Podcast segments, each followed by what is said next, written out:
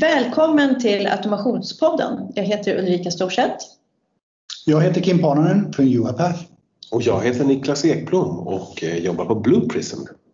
Och idag tänkte vi prata om Center of Excellence. För att ofta när man pratar om RPA eller man pratar om de här automationsinitiativen så hamnar man väldigt snabbt i att man ska liksom prata, ja men har ni något Center of Excellence, hur ska det där Center of Excellence se ut och så här. Men om vi bara börjar liksom, vad är det ens ett Center of Excellence? Det är ganska spännande när du ställer den här frågan ibland, då får ju folk, de blir lite rädda. Är vi superstressade? Ja absolut, vänta vad är det, måste vi ha något gigantiskt här? Ja, är det här? En helt ny avdelning liksom. Jättejobbigt. Alltså jag tycker att det är ett jobbigt ord eller jobbig benämning. Man, borde, man skulle vilja hitta någonting. Nu liksom, det här förekommer ju överallt liksom, mm.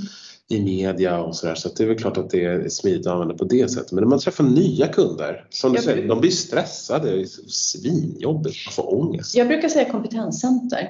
Dels för att man känner att man vill hitta ett svenskt ord och sen också att lite faktiskt säga vad det är. För man behöver ha någon form av kompetenscenter kring den här teknologin. Mm. Verkligen, ett skitbra ord. Ta patent på den.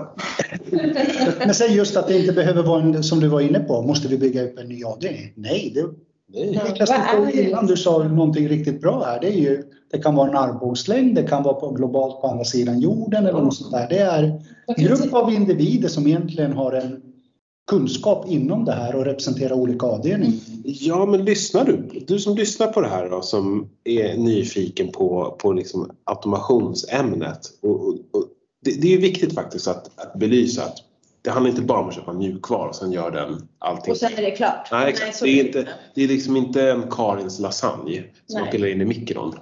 Eh, utan eh, det som är faktiskt det roliga i det här som vi har varit inne på flera gånger det är att, att frukten av att det blir mer effektivitet och man kan eh, anställa mer kollegor och göra roligare saker. Och en, om man blickar liksom lite tidigare i tidslinjen där så är det faktiskt så att många av de kollegor som du som lyssnar, som du har idag, eh, de sitter på unik eh, kunskap som är jätteviktig för dig och ert automationsinitiativ för att de kan era processer. Och det är de som man då ska sätta i det här kompetenscentret. Mm. Exakt. Och de här kompetenscentren eller centra kan ju se så otroligt olika ut. Ja. Alltså det är ju ingen som börjar med att ha liksom 15 pers på heltid för att jobba med det här utan det är ju oftast liksom någon eller några personer i en verksamhet Ja. Eh, och, och Initiativtagarna, ja, de här champions som finns där ute, ja. en eller två, det kan vara liksom och de kan ha liksom, för, för det, det, kan vara så att det är olika kompetenser som man egentligen behöver sprida. Men, och det kan ju vara att det är samma personer som har de här olika rollerna. Så det är lite som man byter hattar. Ja, och sen att det är just att styrningen finns lite mer centralt. Att det är någon som styr, att inte alla springer åt varsitt håll när man kastar in någonting i mitten. Och också om man ska göra det här, ska man ha det här själv? Ska man ha ett eget Center of Excellence, att egna personer anställda? Eller är det så att man vill lägga ut det till en partner? Som om man tänker att alltså själva själva styrningen, alltså Head of RPA är ju, alltså, någon behöver ju vara chef över det här och det bör ju finnas i internt kan jag tycka. Det är ju märkligt om man sitter som leverantör och är liksom head of RPA och styr det. Men, men det skulle ju absolut kunna vara en konsult. Jag skulle inte tacka nej om Jag skulle inte tacka nej om någon så här. Men det, men det skulle kunna vara en konsult som gör det. Ja. Um, och, och, och, så, så det är ju liksom om vi pratar om vad är det för roller som behövs i ett sånt här Center of Excellence? Ja, men alltså det där, eh, ibland så, så kan jag känna så att en, eller jag, vänder nog och ställer frågan. Hur tycker ni att man identifierar en individ som är lämplig i ett Center of Excellence? Nyfiken. Nyfiken, Kim? Kunskaper, specifika kunskaper. Ja. Modig. Och, modig, roligt. Ja, eh, bra kommunikatör. Kanske en av de viktigaste, ja, ibland när man tänker efter. Det vi pratade om tidigare på, att få ut det här i verksamheten. Verkligen, verkligen. Jag pratade så sent som med en kund idag som berättade så här, eller vi, vi, vi satt och surrade lite grann och frågade så här, men vad, vad känner du liksom är svårigheten med, för de jobbar med traditionell systemutveckling och det tar lång tid. Bara, men vad, vad, vad är getingmidjan? Jo, men det är att det missförstås. Så att eh, personer som har en idé, eh, det stämmer liksom inte överens med det utvecklarna konstruerat överhuvudtaget. Så att god kommunikation är ju jättebra. Och jag tror att det är jätteviktigt att om man, om man har, du som lyssnar på det här, du kanske har någon kollega i teamet som du känner är lite mer tekniskt framåtlutad än någon annan. Och det kan vara att de kanske fan, ja, laddar ner de nyaste hetaste apparna på telefonen eller tycker om att vara inne och nosa på Computer Sweden eller vad det nu var. Bara någon är lite tekniskt intresserad. Men, men det du beskriver tycker jag är ganska väl business analyst-rollen. För mm. det är ju den personen som ska brygga mellan verksamheten. Det här har vi pratat om många gånger. De bästa idéerna föds ute i verksamheten och vi kan aldrig åka ut till ett företag eller en organisation och säga att ni borde automatisera de här, de här processerna. Vi har ingen aning. Men verksamheten vet vart de har sina skav, vart de har sina tidstjuvar, vart de sitter och dubbelarbetar och så. Så de måste man komma åt. Mm. Men verksamheten kan inte alltid prata med IT-avdelningen och de som ska utveckla. Och där har du precis, där, det glappet fyller ju en business analyst.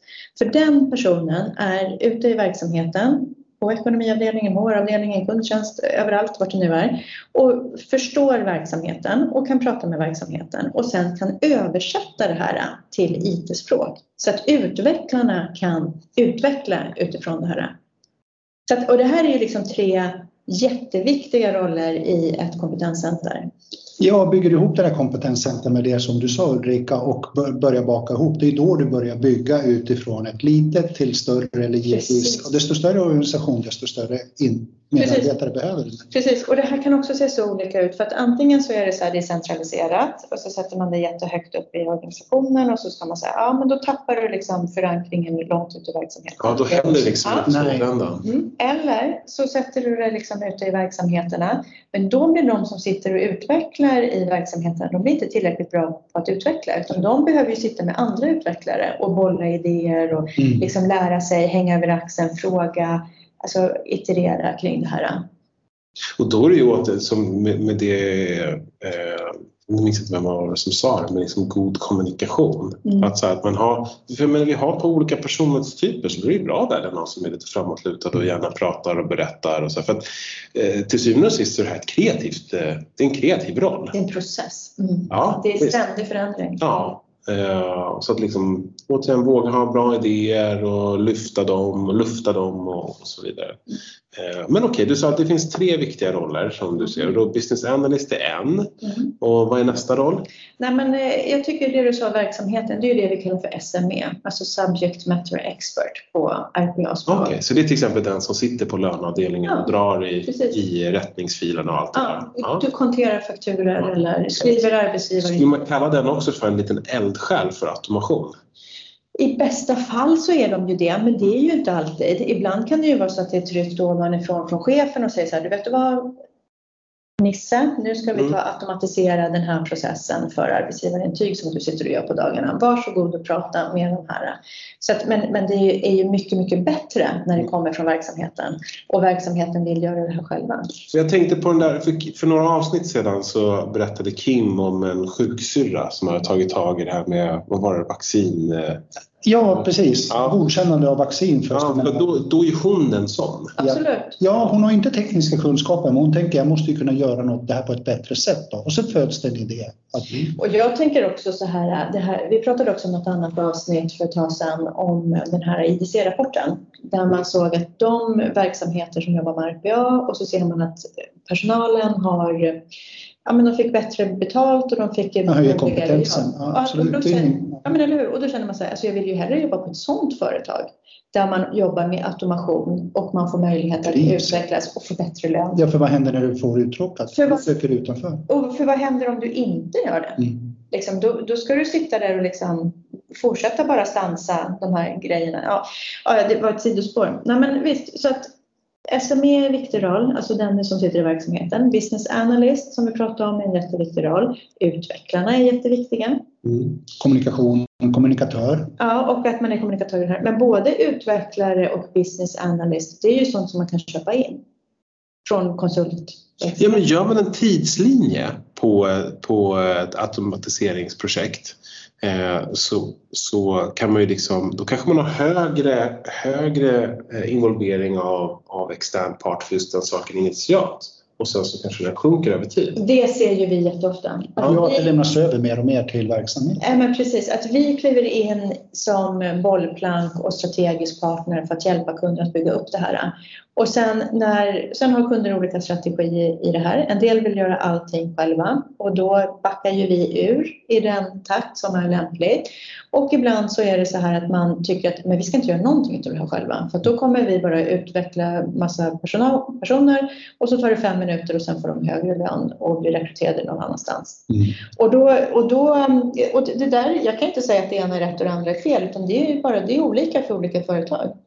Sen är det upp till företagen att bibehålla sin personal och se till att de har ett attraktivt erbjudande hela tiden. Precis. Det är ju kompetensutveckling egentligen det handlar Men just att man inte tappar. Det är jättejobbigt att hela tiden sitta i nyrekryteringen. Absolut, det kommer ingen vart. Ja, framförallt när det gäller en sån roll som där det är viktigt att man har koll på själva processen och därför så, så känns det ju som att det här är ju faktiskt en möjlighet att om du har personal där som du har haft under en längre tid och du känner att så här, oh, så här, lite nojig över att Kim ska lämna skeppet för att han ändå varit här i hundra år och, och liksom en kul glad prick att ha i gänget.